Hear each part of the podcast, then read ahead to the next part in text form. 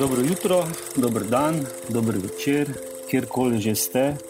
Zdaj ste na podkastu Filmarija, ki ga pripravlja Društvo slovenskih režiserjev. Naslov današnje epizode je Na svoji zemlji.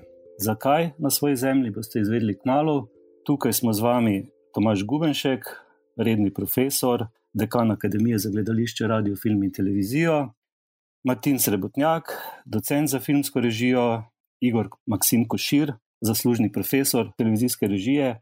Moje ime je Miran Zupanič, jaz sem pa prav tako redni profesor filmske režije.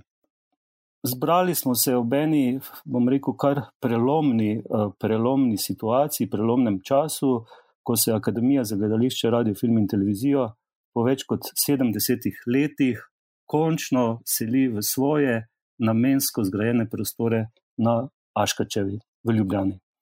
In zdaj vas bom kar vprašal, dragi kolegi, kakšni so pravzaprav vaši vtisi, kak je, kak je vas, vaš odziv. Tomaš, ti si prvi, izvoli. Ja, najprej lepo zdrav. Jaz moram zelo iskreno reči, da sem pravzaprav eh, še vedno v nek, študenti imajo dober izraz, takem nahajpanem stanju, ker je še vedno toliko dela, da se mi zdi, da preprosto nimam časa in prostora za kakršno koli emocijo. In se mi zdi, da bo to, potem, ko bomo začeli delati na Aškarčevi, šele prišlo za menoj. Trenutno sem samo naspidiran. Pod vprašanje, kakšne emocije pa pričakuješ, da te bojo udarile, ko se bo tale stanje umetvičenosti, eh, izgrevelosti zmanjšalo? Kaj pričakuješ, kaj se bo zgodilo? Uh, uh, ne vem, mislim, da, da, da je glede na to, da sem že zelo na koncu svoje profesionalne poti, uh, pravzaprav en tak neverjeten občutek, en taka ne, prelomnica. Um, prav življenjska prelomnica. Zgod, dogajajo se en taki tektonski prelomi, zadeve, ki se nas bodo dotaknile bolj, kot si lahko v tem trenutku predstavljamo. Ne vem pa seveda, v katero smer. To pa težko reči. Mogoče Martin ve. Martin, mogoče veš ti, kako se tebe zdaj dotika in kako se te bo dotaknilo. Kaj praviš? Dotika se me tako, da me stiska, da slabo spim še za enkrat. Uh, se zbujam sredi noči in se sprašujem, uh, uh, če sem pozabil reči, da je potrebno neko vtičnico premakniti za pol metra levo ali desno, ne, v parapetu ali kaj podobnega. Skratka, stvari so zdaj v zaključni fazi. Um, dobave, oziroma ne samo dobave, več, več ali manj že izvedena, ampak priklapljanja te tehnološke opreme, in tukaj pa so, se vedno pokažejo kakšne težave, ki se sproti rešujejo, zadrege in tako naprej. Tako da vse tisto, kar smo načrtovali, kar z čemer smo delali pač štiri leta, se zdaj uh, pred tvojimi očmi sestavlja skupaj. Uh, in seveda, uh, preden se vse razreši, kot pri vsakem happy endu, upajmo, da bo, um, pač je tisti vrh, je tisti eh, finalni obračun uh, z vsemi težavami, in zdaj smo v tej fazi. Tako da trenutno sem. Uh, razumem Tomaža uh, in mislim, da, je, ne, da opisujemo oči isto stanje, ampak z drugimi besedami, ali pa sem pač samo jaz uh, hiperventiliram uh, zdaj. Uh, ampak smo tle nekje, no, se pravi, uh, to je finalni obračun z Majem, da bomo lahko to šolo uh, odprli. Tu moram eno pojasnilo dati. Martin je prevzel levji delež odgovornosti za trakte levo od vhoda, kjer se bo nahajal oddelek za film in televizijo. In lahko rečem, da je človek, ki ima ta, ta oddelek oziroma ta del stavbe v svoji glavi. In marsikaj iz tega, kar je zdaj je pravzaprav tudi prišlo iz njegove glave. Tako da moram reči, da smo ti, Martin, zagotovo lahko vsi hvaležni za to neverjetno natančnost, skrb in nepopustljivost, ki pa verjamem, da bo pripeljala do tega, da bo stavba najboljša možna, kot je pravzaprav v teh danih okoliščinah. Torej, izvedljivo. Tukaj je z nami tudi profesor Košir, Igor Košir, ti si se že pred nekaj leti upokojil, Eh, ti pa imaš verjetno eno drugačno perspektivo, zdaj, ali od te izčrpanosti, ali pa od mene, ker moram reči, da sem pa, kar se tukaj jaz priključil, kar malo euforičen, ker nisem obremenjen s temi konkretnostmi, zdaj niti organizacijskimi, niti tehničnimi, vsemi temi stresi, ki jih pravzaprav to prinaša. In se mi zdi, da ja, delim, delim predvsem tisti del izkušnje, ki ga je Tomaš pri sebi še le napovedal. en občutek, uh, bom kar rekel, euforije do neke mere, ampak take se mi zdi malo trezne, pa predvsem pa občutek ene velike prelomnice, resnično ene velike, velike prelomnice. Pa mislim, da ne samo za akademijo, ampak upam tudi za področja, ki jih pokrivamo, se pravi gledališče, radio, film in televizija. To je torej moja perspektiva, Ivo, zdaj pa tvoje, torej z tvojega majčka, pa že odmaknjenega zornega kota. No, jaz celo stvar vidim v, v nekaj barvah, pravzaprav ne glede na to, da stavbe in notranjosti in zunanjosti še nisem videl. Najprej me seveda preveva zelena zavist. Eh, živel oziroma delal in tako naprej. Študiral sem v stavbi, kjer smo imeli na glavo študente in profesorja približno tako razmerje, kot sem na prašiči ali pa na piščančji farmi. Eh, tudi v svojem času, v svojem delovnem času, nisem imel niti svojega stola, niti svoje mize, tako da seveda eh, vam zavidam na vse mogoče načine.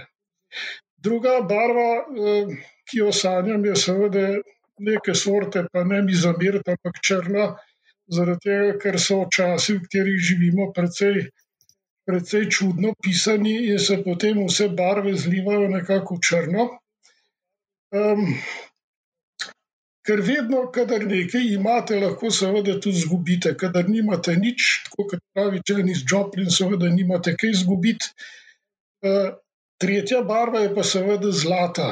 Zlata je pa zato, ker vam privoščim, da boste lahko delali.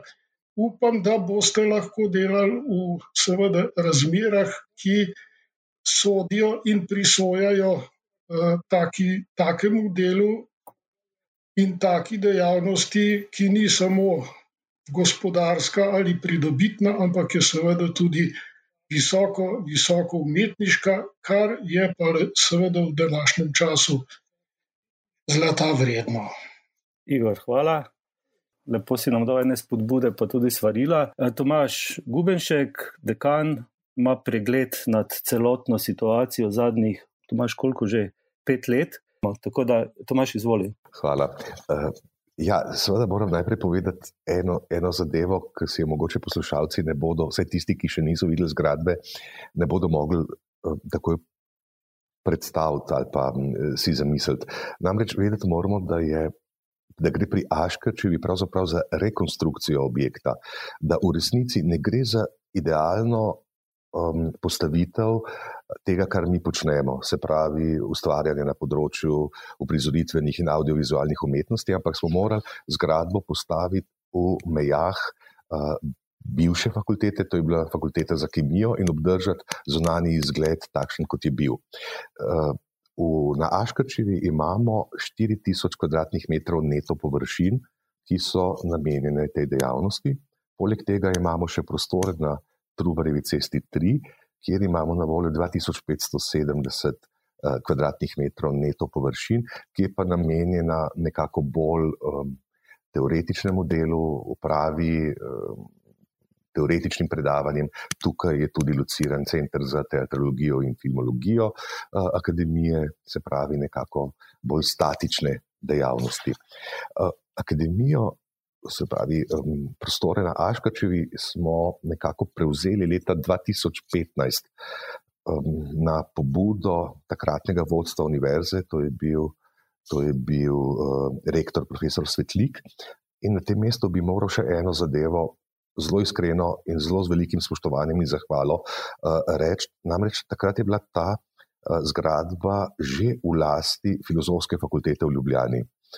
In smo morali prepričati filozofsko fakulteto, da je odstopila te prostore za reševanje težav um, akademije, in na tem mestu je bila uh, takratna dejanja uh, profesorica Branka Ramšak, zelo dobro namerna, zelo nam je priskočila na pomoč, zelo z enim velikim razumevanjem, tako da je filozofska fakulteta potem uh, odstopila ta prostor.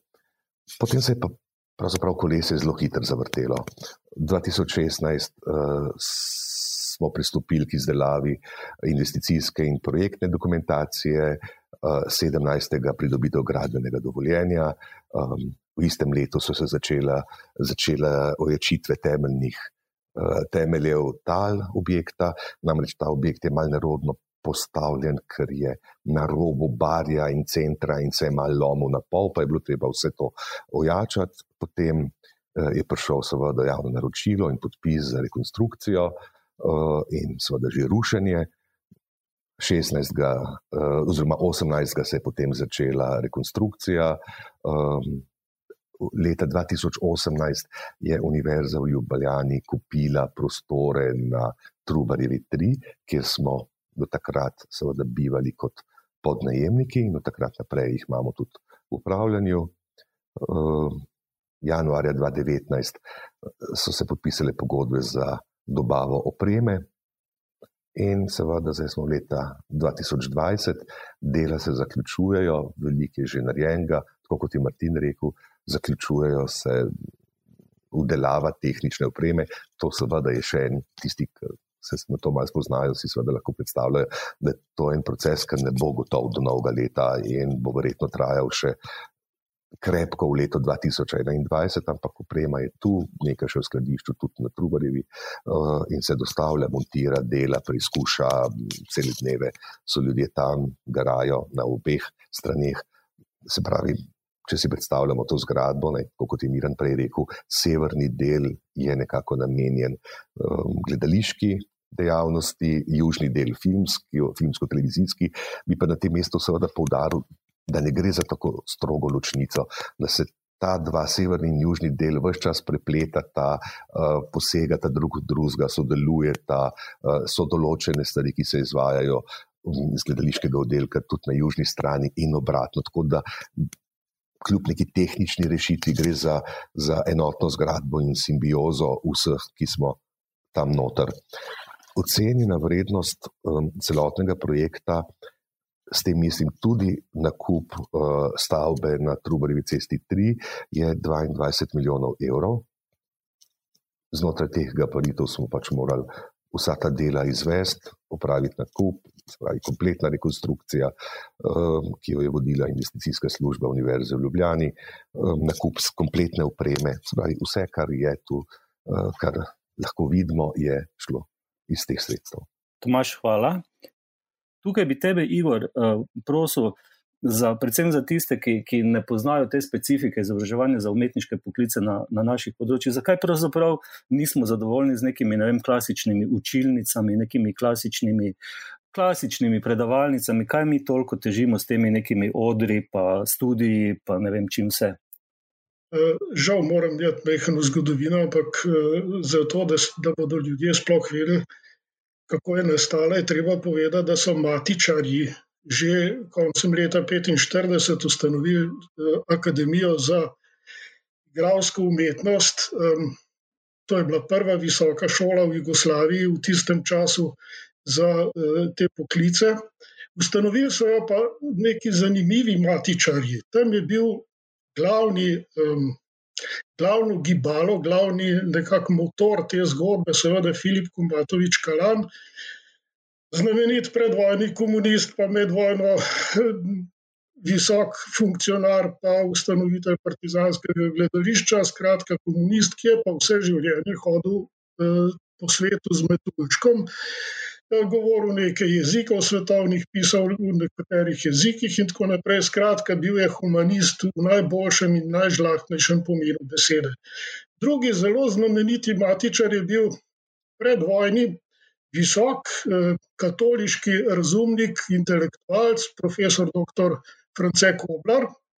Pokončen mož iz železnikov, potomc železarjev, poštenjak do kraja svojega življenja. Potem je bila pa ena čisto prava pruska grofica Marija Vera um, in en zelo znamenit pevec, ki je žal izgubil glas, postal igralec, bil svetovljan na odrih po Evropi, gospod Ivan Levar. Ki se jim je pa potem naslednje leto pridružil še znamenit uh, svetovljan, tudi uh, Med ostalim je bil tudi šef baleta v Hitlerjevem gledališču, Münchenskem, gospod Pino Mlakar, velik Jugoslovan in velik, velik gospod, ki nas je kot vsi ostali ne samo učil, ampak tudi zelo, zelo pošteno vzgajal. Zato seveda so vsi ti vedeli, da seveda se tega poklica in takih poklicev nimajo kaj učiti, ali pa ni, nismo imeli kaj učiti s papirjem, ampak je bilo treba vsako stvar preizkusiti, pokazati, in tega smo se držali v vseh slabih in, in dobrih časih, od začetka do konca. To je seveda pomenilo, da smo tudi kako leto ali dve ali tri dalj študirali, ker je bilo treba vse stvari, seveda, in teoretično, in praktično utemeljiti, zapisati, pokazati, in tako naprej. Ampak to nas je potem pripravilo na delo v gledališču, pri filmu, na televiziji, potem do take mere, da smo lahko kadarkoli in kakorkoli sodelovali s komerkoli na tem svetu, in da smo bili v nekem času tudi, seveda, da ne rečem, v konici tega, tega raziskovalnega in praktičnega sveta. Ne na zadnje, Filip Kumbatovič Kalan je bil eden od ustanoviteljev Mednarodne zveze za gledališke raziskave in gledališkega inštituta, ki ima še danes svoj sedež v Goldonjevi hiši v Fari svetega Tomaža v Benetkah. Seveda, kakršne koli besede o tem, da smo bili zatirani, da smo bili ne vem, kako doktrinarno vzgojeni, ne bodo držali. Je pa res, da je vsaka umetnost, seveda, do neke mere tudi raziskovanje v smeri, ki politikom niso vedno povoljni. Hvala lepa, to je približno vse. Zdaj, če se vrnemo malo na čisto ta osnovni prostorski moment, lahko ugotovimo, da, da je oblast akademijo najprej postavila v eno od stanovanj v Dukičevem bloku, to se pravi v centru Ljubljane. In tukaj je akademija ostala do leta 1949, ko so nas, kot še takrat Akademijo za igralsko umetnost, premaknili, naselili v del frančišanskega samostana na Nazorjevi cesti, oziroma malo prej se je še imenovala frančiškanska. Skratka, mi smo takrat res dobili eh, kletni del pritličje in prvo nadstropje te relativno nove in pravzaprav dosti dobre stavbe na Nazorjevi ulici, jo tudi predelali. In kar je zelo zanimivo, Eh, je to, da je pravzaprav od tega leta 1949 naprej, se pravi, ker je bilo srce te stavbe, je bila gledališka dvorana, ne, gledališka dvoranica, to je bila nekdanja kapela. To je bila nekdanja kapela tega frančiškanskega samostana in se pravi, v bistvu so naše generacije in generacije igralcev in uh, režiserjev se šolale v nekdani kapeli. Skratka, na nek način je oblast poskušala ustvariti neko novo, neko novo kulturo, ki je pa seveda v veliki meri še vedno izvirala starih tradicij. To pa je kakorkoli bilo v tej raztoči akademiji že na začetku, pravzaprav prostorsko gledano, nezadostno. Ne? In zdaj bom te prosil, Tomaš, kot igralca, tukaj bomo imeli nekaj citatov na ta problem. Na ta problem uh, uh, neustreznih pogojev, prostorskih, opozarja rektor France Koblar, prej omenjeni, uh, že v pismu Svetu za prosveto in kulturo Republike Slovenije leta 55. Se pravi, leta 55 se že začnejo stiske. In repaste, leta 55 se začnejo stiske, ki še niso bile, oziroma so zdaj rešene. Recimo v zadnjih naprimer, petih letih so se to razrešile. Tok časa je ta skupnost, ta narod potreboval. Zato, da bi ustvaril pogoje za eno od vitalnih umetniških praks v Sloveniji. Zdaj pa, Tomaš, če si tako prijazen, da ne bom jaz poslušalcem učil svojim štajerskim naglasom, če prebereš torej dva stavka rektorja Franceta Koblarja iz leta 1955. E, rekel je, potrebni bi bili še prostori za študentsko organizacijo, prostori za profesorje, ki nimajo sedaj na razpolago nobene delovne sobe. Prostori so tesni in je redno praktično delo včasih zelo težko. S potrebnimi kostumi nam pomaga uprava SNG v Ljubljani. Pohištvo je dobila akademija od bivšega federalnega zbirnega centra, ter ga bo treba prenesti v stalni inventar akademije. Hvala, Tomaš. To je bil torej Francek Koblar leta 1955. Očitno nobenega omembe vrednega odziva na to rotenje pravzaprav ni bilo. Potem se je zgodilo leto 1963, ko se je akademija preimenuje in seveda preobrazi iz Akademije za igralsko umetnost v Akademijo za gledališče, radio, film in televizijo. Se pravi, na tej nominalni ravni postane naenkrat zelo, skoraj da monumentalna, ne? ampak dejansko, dejansko se pravzaprav niti v prostorskem, niti tehničnem smislu v resnici skoraj da nič ne spremeni. Igor, ti si začel študirati dve leti kasneje, leta 65, pa nam prosim na kratko povej, v kakšnih prostorskih tehničnih pogojih je takrat potekal študij filmske in televizijske režije. No, najprej je treba povedati, da je, študij, da je bil ta študij samo pridružen gledališkemu študiju. Eh, študentje tega oddelka smo morali praktično narediti dve diplomi. Ena je bila gledališka, to pomeni, da smo pri eh, profesorjih Kumbatoviču, Koblarju in Kralju eh, naredili diplomsko izpisali diplomsko nalogo, kakih sto strani, in to ne po literaturi, ampak iz arhivov. Um, nastopali in režirali smo en velik del gledališkega programa, tudi to se pravi, nastopili smo v, posa, pri posameznih vajah. Um, in seveda pomenili je to tisto, kar sem že omenil, da smo kakšno leto morali študirati, tudi to, da seveda nismo dobili inskripcij, frekvenc in takih stvari v času, ko smo morali snemati filme. Eh, brez njih pa tudi eh, na tem svojem filmsko-televizijskem področju nismo mogli napredovati. To se pravi, Morali smo delati praktične vaje, morali smo delati vaje, in eh, hvala Bogu, smo imeli izvrstne učitelje, um, od um, Franceta Brenka, ki je pravzaprav kljub vsemu, kar, od, kar danes o njem govorijo, vendarle tisti, ki je slovencem film Gori postavil, uh, do um, zelo zanimivega. Pedagoga, ki je na pol pozabljen, Boris Grabner, dr. Boris Grabner. Pa potem Jrč Kragel, pa Frank Žižek in še marsikdo, predvsem pa izvrsten um, mojster fotografije, filmske in televizijske kamere Milan Kumar, ki ga, o katerem danes tudi malo, malo kdo kaj ve.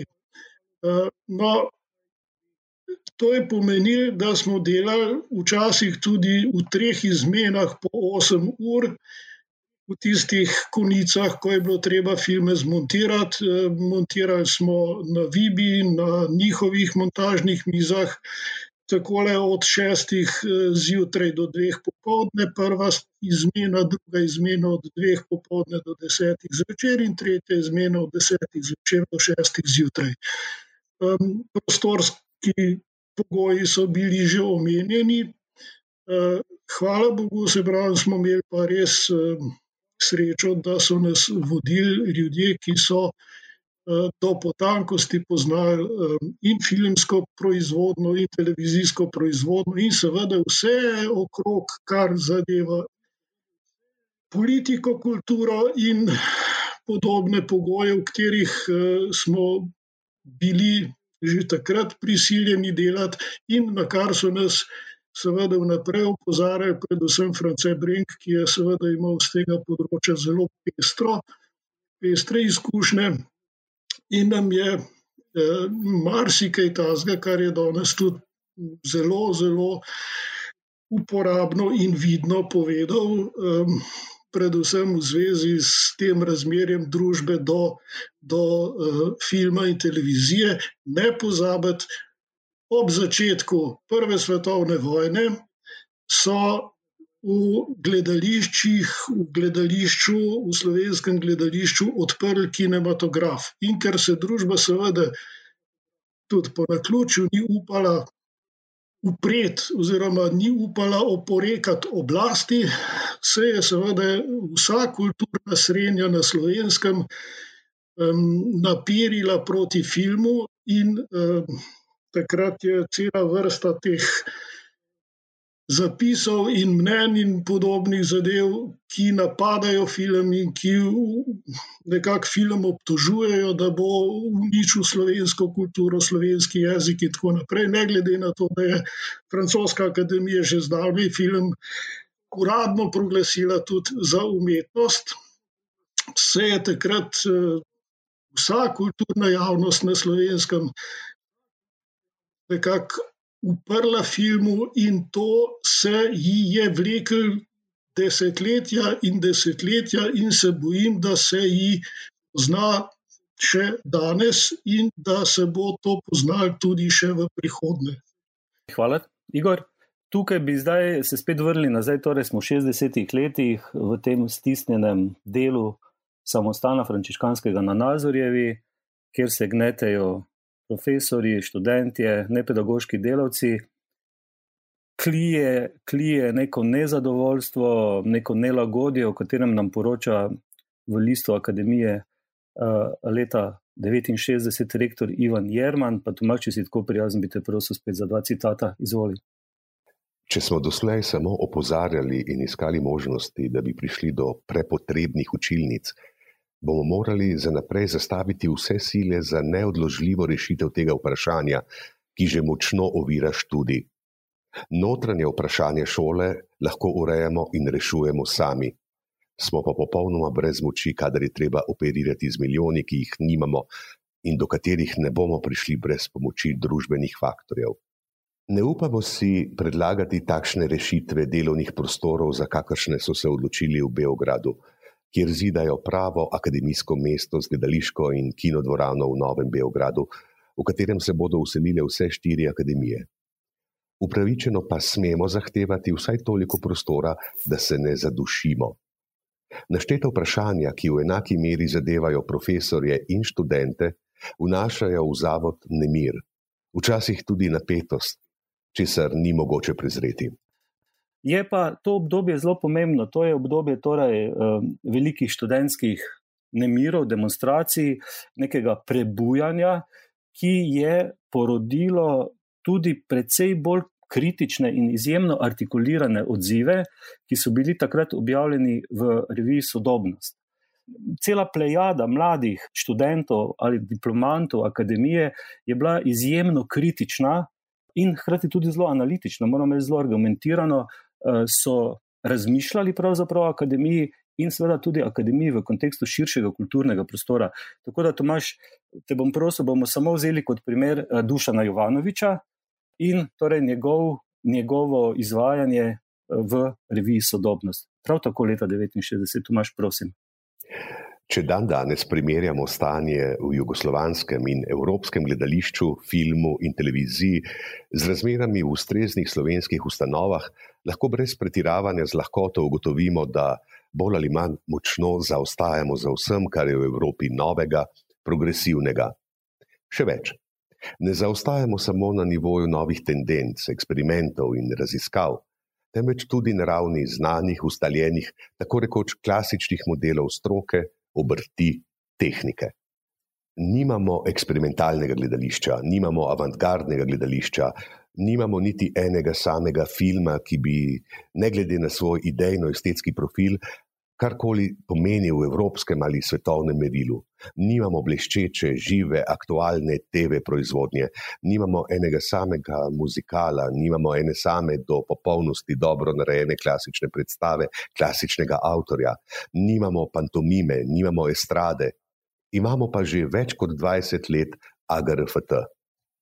Ta je po svoji organizacijski, metodološki, kadrovski in vsebinski strukturi verna kopija približnosti, povprečnosti, srednjakarstva in malomeščanskega okusa tistih kulturnih tvornosti in institucij, ki spričo svoje nespecializirane univerzalnosti, didaktičnosti, ideološkosti, moralizma ter vse splošne zastarelosti, zaprašenosti in okustenelosti doživljajo danes temeljno krizo na ravneh vizije, komunikacije, trga.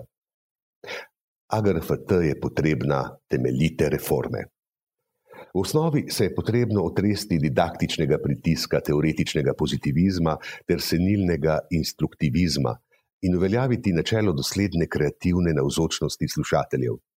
Teoretični kurzi ne bi smeli biti duhamorna, dolgočasna in dolgovezna reprodukcija muzejev in zgodovine, fabul, zaslug, smešnic, letnic in podobnega, temveč zgoščena in eksplozivna, živa in koristna informacija, odprta predstavitev vrste pomembnih problemskih jeder. Za praktični del pouka veljajo podobne pripombe. Premalo je intenzivnega delovnega napora, premalo tveganja, premalo raziskav in preveč šablone, diletantske stihije in naključnega tavalja. Kar zadeva režijo, lahko mirno trdim, da šola ne daje dovolj tehničnega in obrtnega znanja. Tako je torej pisal Dušan Jovanovič v sodobnosti leta 1969. Eh, kljub temu pa se politika ni odzvala na vsebinski način, ampak tako kot to sicer rada počne, zgolj na formalnega. Vse tri akademije leta 1975 vključijo v univerzo in spet se ponovi zgodba novega dekana, tokrat filmskega režiserja Franceta Štiglica, ki za časopis Dnevnik leta 1976 pravi takole. Akademija za gledališče, radio, film in televizijo nima dovolj prostora, kjer bi lahko uresničevala svoj študijski program. Ni dovolj predavalnic, ateljejev, skupnih prostorov, pri tem pa ima organiziran poseben individualen študij. In seveda, tako kot ponavadi, se ni zgodilo nič, oziroma kot je, bilo, kot je bila neka stalna politična praksa, se spet ni zgodilo nič, dokler se ni leta 1986 zgodil študentski bojkot ker je med drugim bil zelo, zelo izpostavljen tudi problem prostorov. V resnici se ni zgodilo spet nič, oziroma zgodilo se je zelo malo. Uh, namreč akademija je od mestne občine Ljubljana, oziroma takrat je bila to torej občina Ljubljana center, dobila celotno stavbo na Nazorjevi, uh, se pravi tudi zgornji dve nadstropi, ampak tudi tukaj je bilo pravzaprav eno danajsko darilo. Namreč v teh dveh nadstropjih je bilo skupaj še 31 stanovanskih enot, seveda naseljenih. Tako da je potem akademija naslednjih, lahko rečemo, več kot 20, moče 25 let, postopoma izpraznjevala te nekdanje samostanske celice.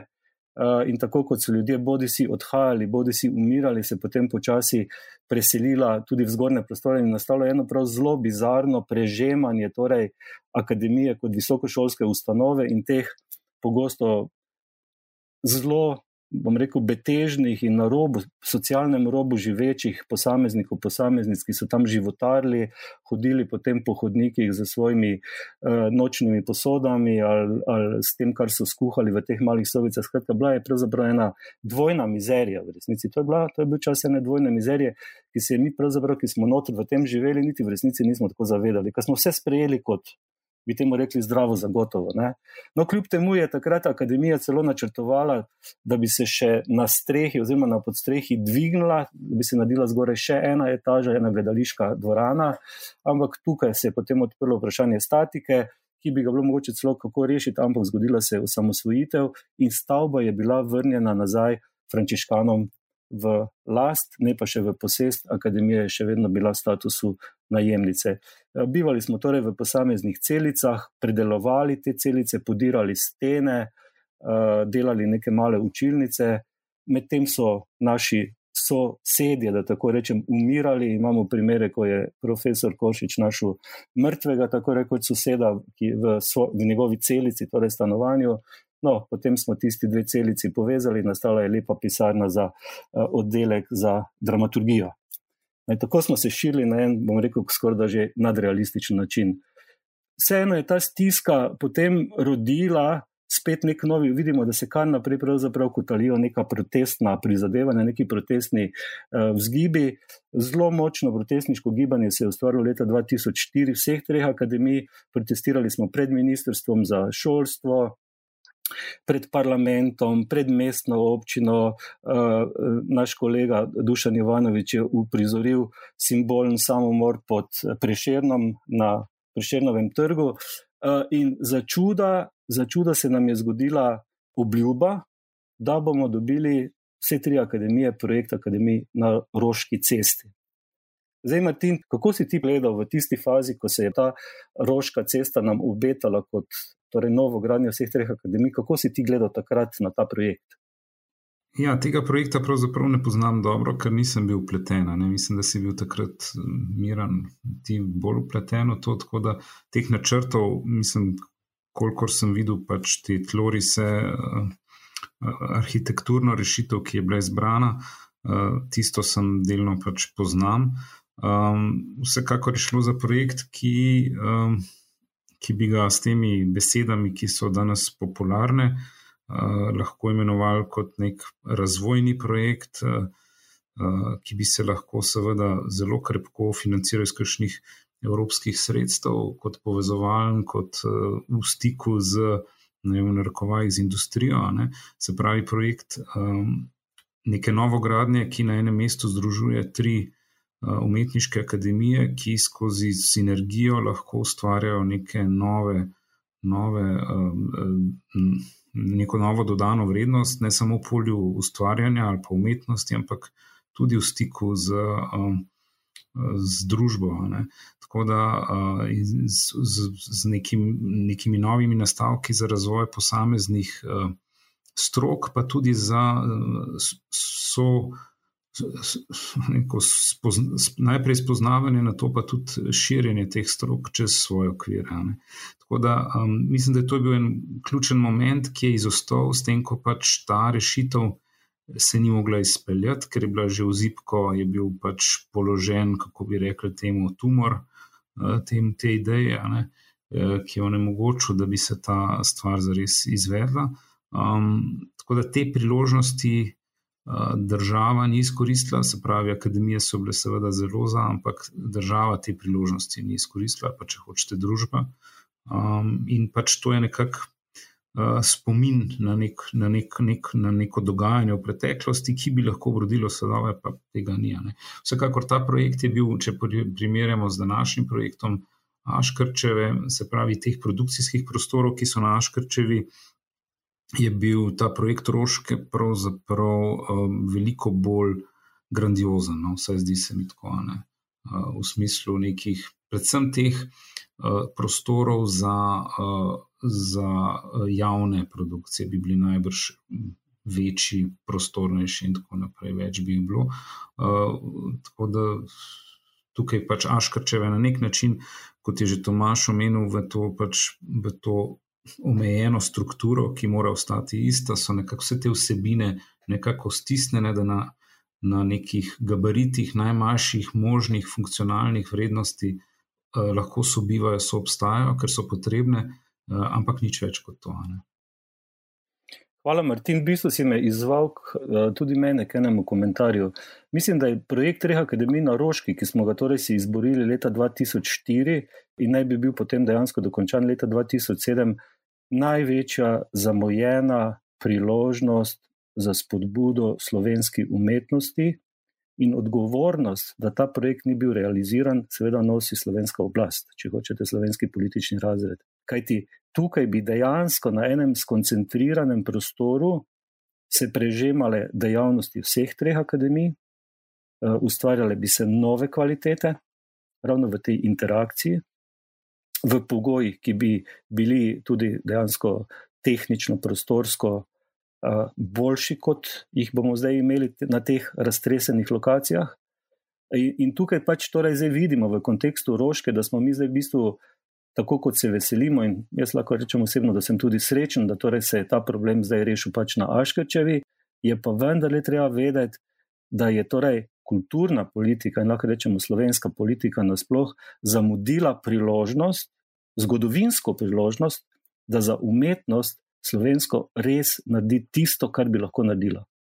To je velika, zamujena razvojna priložnost, bila, ki bi absolutno ne vplivala samo na umetnost kot tako, ampak dejansko na širšo družbo.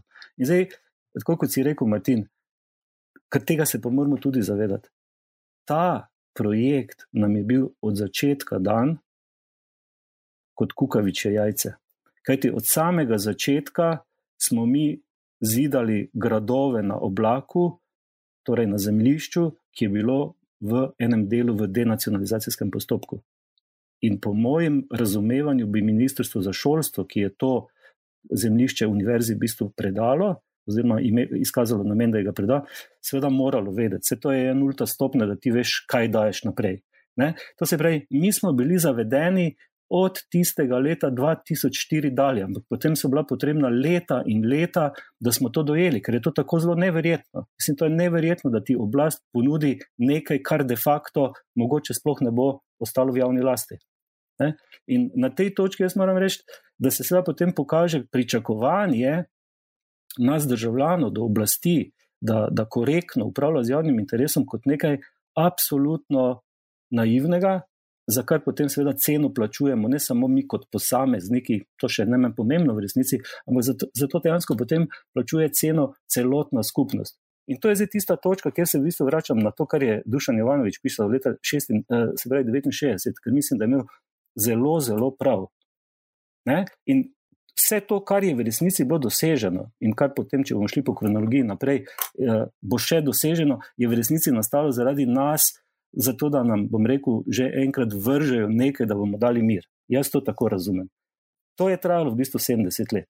Ne? Da bi pa oblast sama po svoji volji nas vprašala, poslušajte, kaj je za vas optimalno, mi želimo to zgraditi, nikoli se to ni zgodilo. Nikoli ni prišel noben, reče ministr za šolstvo, do dekanov, do akademij in je rekel: Poslušajte, dajte nam povedati, kaj potrebujete, mi bomo pa zagotovili sredstva za to. Nikoli se to ni zgodilo trkali smo desetletja na njihova vrata.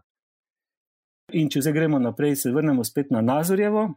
Zgodi se nam v drugi polovici, se pravi tam nekje po letu 2008-2009, bolonski proces. Eh, na naši akademiji se uvedejo nove smeri, še vedno v istih prostorih. Eh, izkoristimo klet, kjer je bila nekoč deponija premoga, recimo, za še eno majhno gledališko vadnico, dvoranico, kjer si naši kolegi pomagajo, zato ker je pač nekako čudno zalomljena, s tem, da na, na strop vežejo oziroma pritrjujejo cestna ogledala, ne, da bi lahko publika, ki gleda predstavo iz vseh zornih kotov, pač tudi iz tistih mrtvih kotov to videla. Hočem reči, ta stiska akademije je v resnici bila nepojmljiva, z nekega profesionalnega zornega kota nepojmljiva. V teh prostorih se v resnici kaže odnos družbe do šolstva in, bomo rekel, do umetnosti kot take. Nam je seveda tam nekje okoli leta 2012 postalo jasno, da je rožka iluzija, da je rožka mrtev projekt, in takrat smo začeli potem iskati nove možnosti. Prva možnost, ki se nam je pokazala, je v resnici bil potem en zapuščen objekt na uh, Kvedrovi, ker je ena od vlad izgnala dobesedno kinoteko in not verjetno z nekimi drugimi, bolj poslovnimi interesi, ampak se tisti interesi niso mogli realizirati. In recimo že tam se je pokazalo, kako je pravzaprav samo na tistih približno 650 kvadratnih, kvadratnih metrih, predvsem katedra za televizijsko režijo, ki je dobila neke v bistvu minimalne pogoje za živela. Zdaj, če bi rekli spet, pogledajte, leta 2012 najdemo celo v koalicijski pogodbi zavezo, da bo politika torej zagotovila, se pravi, eh, zgradila umetniška akademija leta 2012. Nič se ni zgodilo. Mi protestiramo in največ, kar smo potem lahko dosegli, je bilo takrat, da smo se leta 2014 preselili v najeto stavbo na Trubarjevi, takrat še najeto, ampak z opcijo odkupa, in potem smo torej priveslali do te stavbe končno. Aškečeve, o kateri pa Tomaš si že ti povedal. Se pravi, to je zdaj neka taka zelo, mogoče za koga dolgovezna, ampak v bistvu zelo skrčena geneza tega desetletja trajajočega prizadevanja, s katerim mislim, da moramo nekako uzavestiti, v kakšnem pravzaprav duhovnem okolju mi v resnici živimo. Ker ti to gre v resnici za duhovno okolje.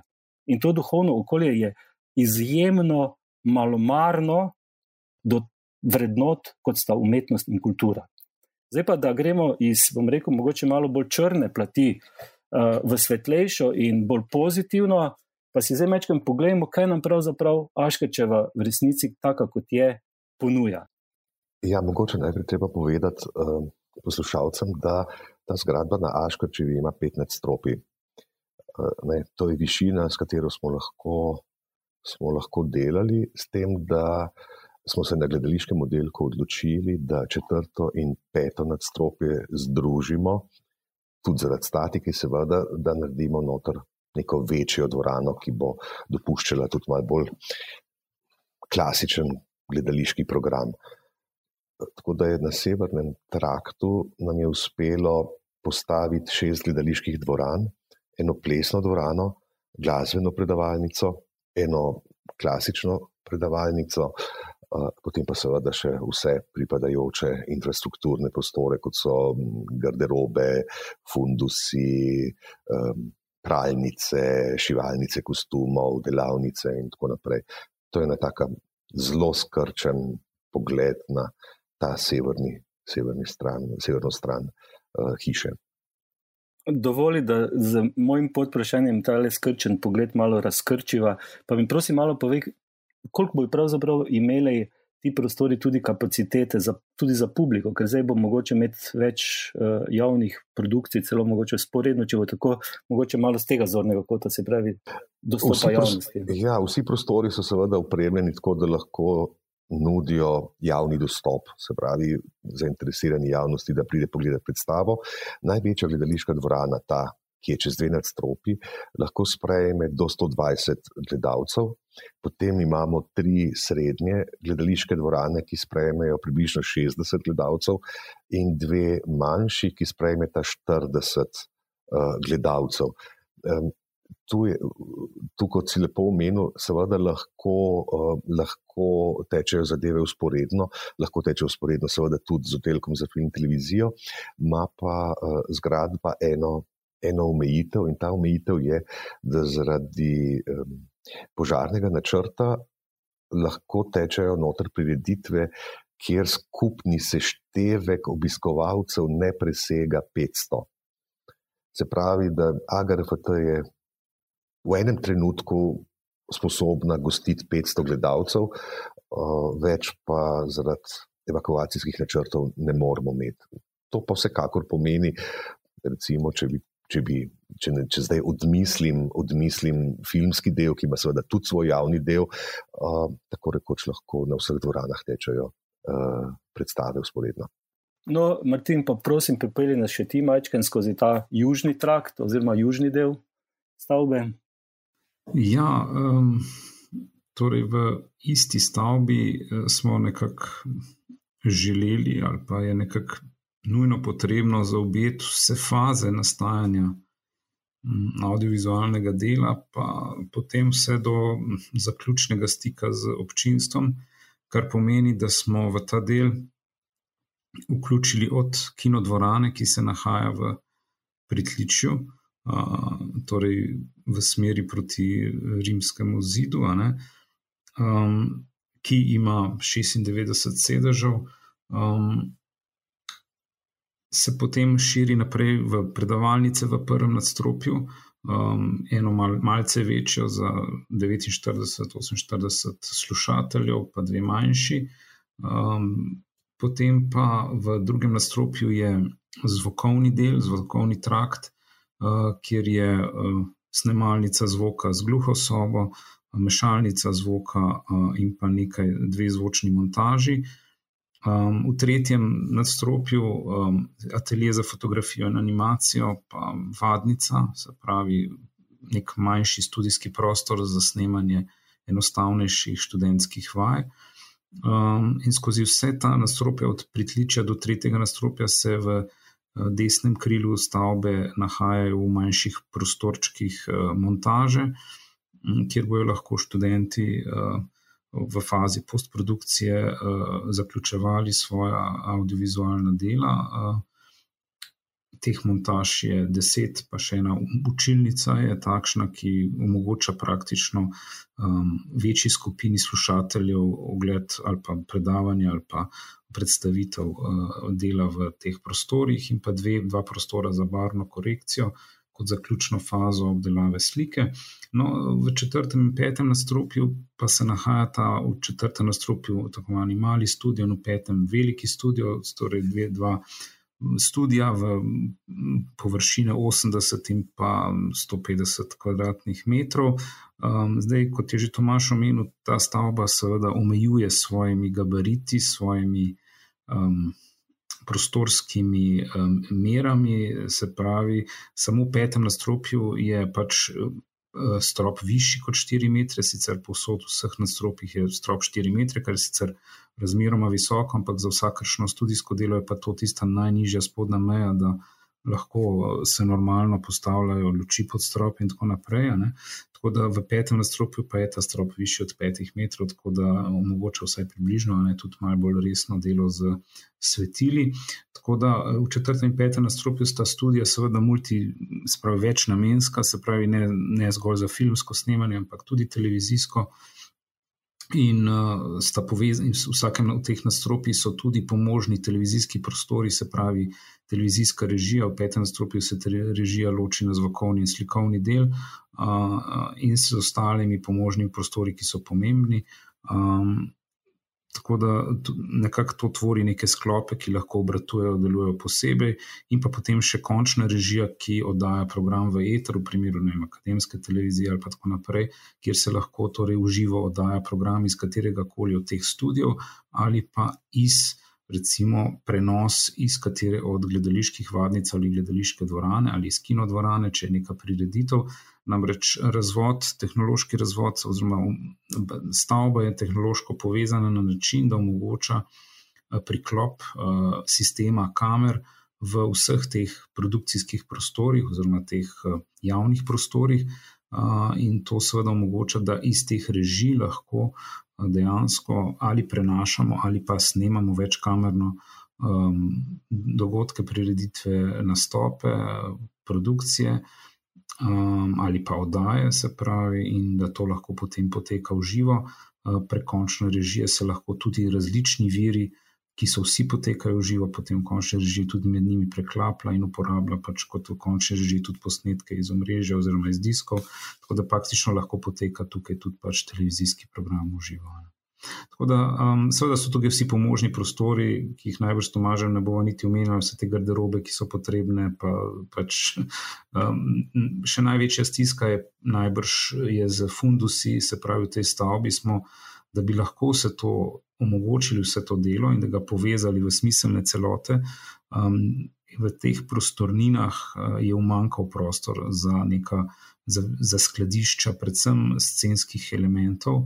Um, in uh, to je tisto, kar je pač uh, bilo nekako žrtvovano. Ne? Res, da tudi za ta fundus, ki ga ima akademija, že zdaj uh, nismo imeli veliko prostora za njegovo hrambo. Uh, in tudi scenskih elementov v produkcijah, eh, čeprav sproti nastajajo, um, so razmeroma, kako bi rekel, zaradi finančne podhranjenosti, so, niso to neki um, artefakti in uh, zelo prilagodljivi elementi, pa vendar ne, je pomembno, da so pri roki, ko nastajajo enostavnejše produkcije. Um, tako da so seveda tukaj neka priročna skladišča in tako naprej, kjer se del teh elementov lahko vse čas nahaja, za tisto trajno hrambo večjega, večje količine scenskih elementov, pa uh, še vedno ta stavba ne nudi rešitve. Zdaj, mene moram reči, da zelo veseli, da je mogoče v vseh produkcijskih prostorih tudi snemanje, se pravi tudi gledaliških, skozi to se mi zdaj postala en tehnično, vsaj enovit organizem na tehnični ravni. Ne? Ker zdaj se to prepletanje, tako kot bo seveda mogoče tudi uh, neka čisto nova kvaliteta vaj in potem sneman v tem študijskem našem delu, se pravi, bo lahko tudi naša televizijska tehnika pripomogla k kvalitetnejšemu snemanju in potem seveda tudi prezentiranju vseh gledaliških produkcij. Mislim, da to je ena, ena, ena izjemna kvaliteta, ker je nekaj drugega. Če imaš ti tehniko, tako kot smo imeli do zdaj, ko smo morali pravzaprav zelo improvizirati uh, za neko interno za neko interno dokumentiranje. To bo zdaj pravzaprav vse posneto v broadcast kvaliteti in kot tako nam omogoča eno, eno popolnoma novo raven komuniciranja tudi z javnostjo. Zdaj me zanima pri vseh vas, tu bom vključil tudi Igorja Koširja, ampak zdaj najprej se eno vračam, besed, dajem besedo Tomažu. Uh, kje vi vidite razvojne potencijale te, tega novega prostorsko-tehničnega kompleksa? Kje vi vidite, kam lahko gremo naprej? Tomaž. Ja, eh, mislim, da, da sta tu dve ravni, o kateri bi moral spregovoriti. Seveda, mislim, da bo zdaj potreben nek kratek, ampak vseeno nek čas, da se v ta prostor umestimo, da ga spoznamo, začutimo mi, kot akademija, ki smo se preselili. Eh, potem sta pa tu dve ravni, o katerih mislim, da moramo že začeti govoriti in se na njih pripravljati. Prva je kako pravzaprav vse te ločene programe, ki so se izvajali na 17 plus lokacijah po Ljubljani, ne združiti samo prostorsko, ampak tudi umetniško, intelektualno in jih začeti povezovati v neko enoto, skupnost, na neki res. Od umetniške do intelektualne ravni. Se pravi, mislim, da to je neko delo na noter, na sebi, na, na povezovanju kateder, oddelkov, programov, eh, projektov in tako naprej. Drugi, seveda, je eno tako, mogoče celo banalno vprašanje, kaj lahko akademija ponudi družbi. Eh, se pravi, na prvi, na prvi ravni mislim, da vsekakor je to, da bi akademija morala eh, postati nek kulturno-umetniški center Univerze v Ljubljani. To vsekakor, tu sploh mislim, da ni debate, ampak mislim, da se ne smemo zadovoljiti samo s tem, ampak se moramo odpirati. Na katero, v katero smer bomo šli, kako se bomo odpirali, je seveda tudi stvar neke debate, kako se bodo stvari odvijale, ampak mislim, da moramo dovoliti tudi drugim, da vstopijo v ta prostor, ga začnejo uporabljati, da se začnejo tudi neki drugi dogodki dogajati, ne samo naši, da to res postane nek center, nek prepišni prostor umetnosti. Uh, zdaj se je pravzaprav ta, ta center Ljubljane še razširil, ne, mi smo na tem obrobju tega rimskega zidu, uh, neka nova točka se je pojavila. En velik potencial je v njej, in bilo bi zelo neumno, če ga ne bi izkoristili. Hvala, Tomaš. Kaj pravi Martin?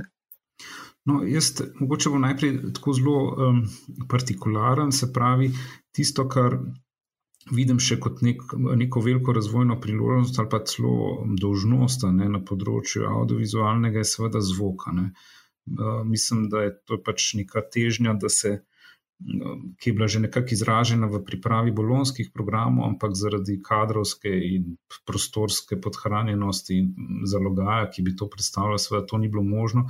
Kot ideja o nekem drugostopenski smeri, na, drugostop, se pravi, smeri na drugostopenskem programu, uh, se pravi, oblikovanja zvoka, zvoka, kakorkoli temu rečemo, prvi vrsti za audiovizualne medije, pa tudi lahko bi bilo tudi širše. Uh, in to je tisto, kar zdaj ti prostori, ta tehnologija, ki bo tukaj na voljo, um, omogoča, da se to izvede in da, se, da je to še tista manjkajoča.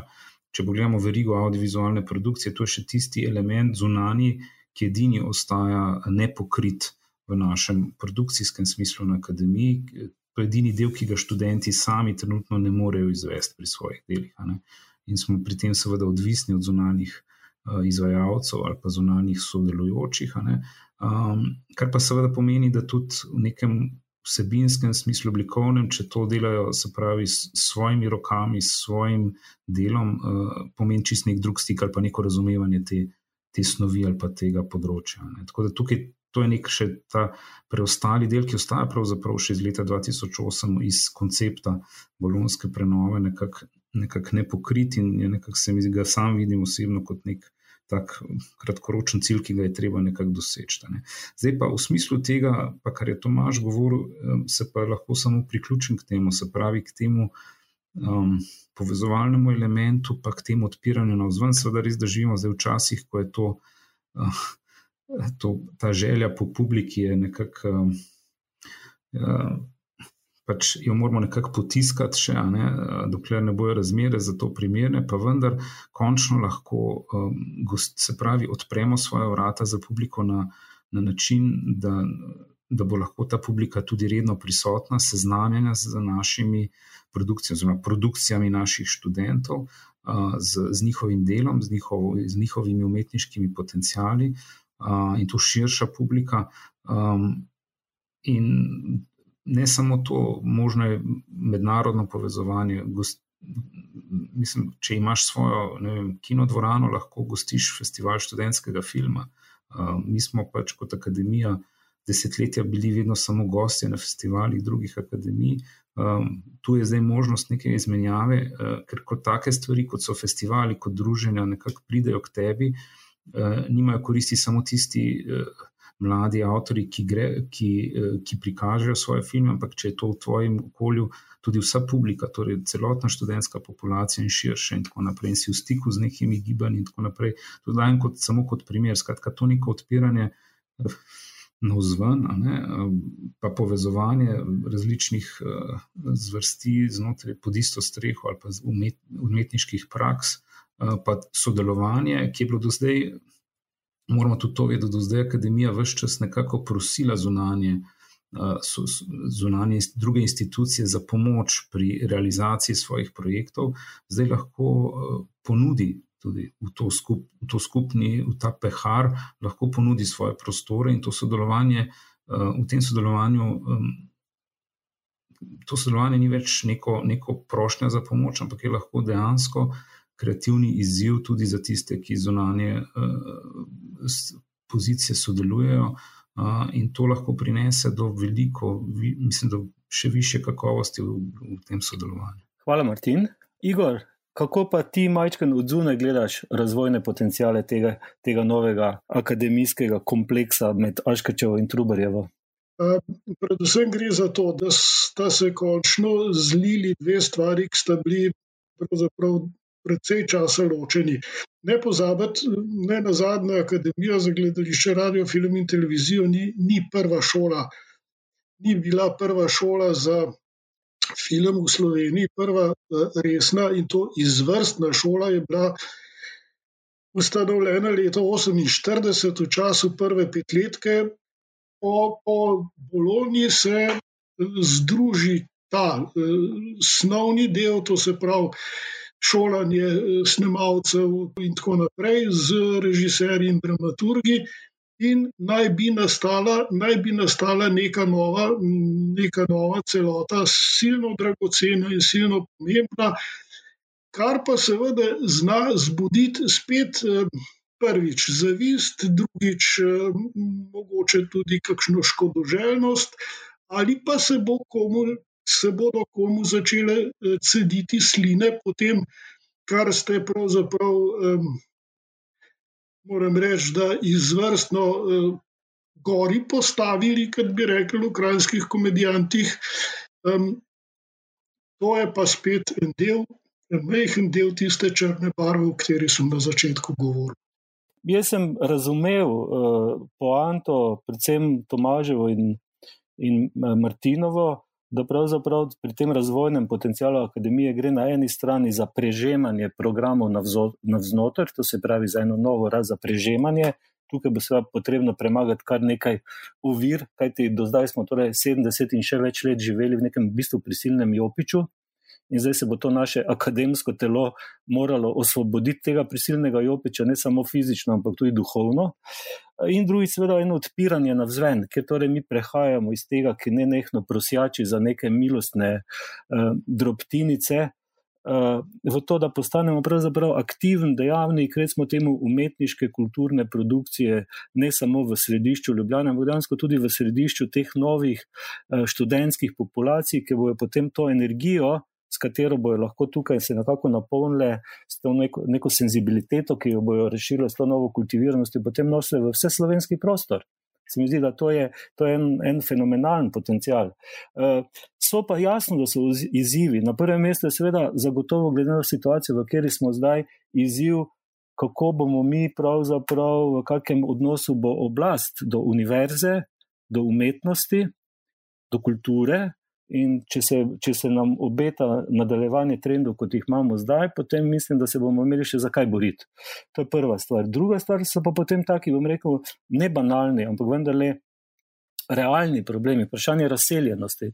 Se pravi, Trubarjeva Aškačeva vendarle predstavlja približno 15 minut peš hoje, se pravi, urnike bomo že organizirali, ampak če za to, da ne bi razpadli, to imaš, imaš ti v perspektivi, kako vizijo, se nam kaj obeta, bomo se še kaj premikali v naslednjih, ne vem, recimo 10-15 letih. Imaš tu kak redo informacijo, malo nas razsvetli, prosim te. Uh, ja, seveda imam informacije, misli, ideje, ki so pa še zelo nepotrjene, tako da se še lahko marsikaj zgodi, ker to, kot si sam rekel, govorimo o, o obdobju nekih desetih, mogoče celo petnajstih let. Jasno je, da se bazen naravoslovno-tehničnih fakultet, ki je sedaj v Rožni dolini, širi, poglablja, in so načrti, da bi se iz Aškarčeve še kakšna fakulteta preselila v um, Rožno dolino.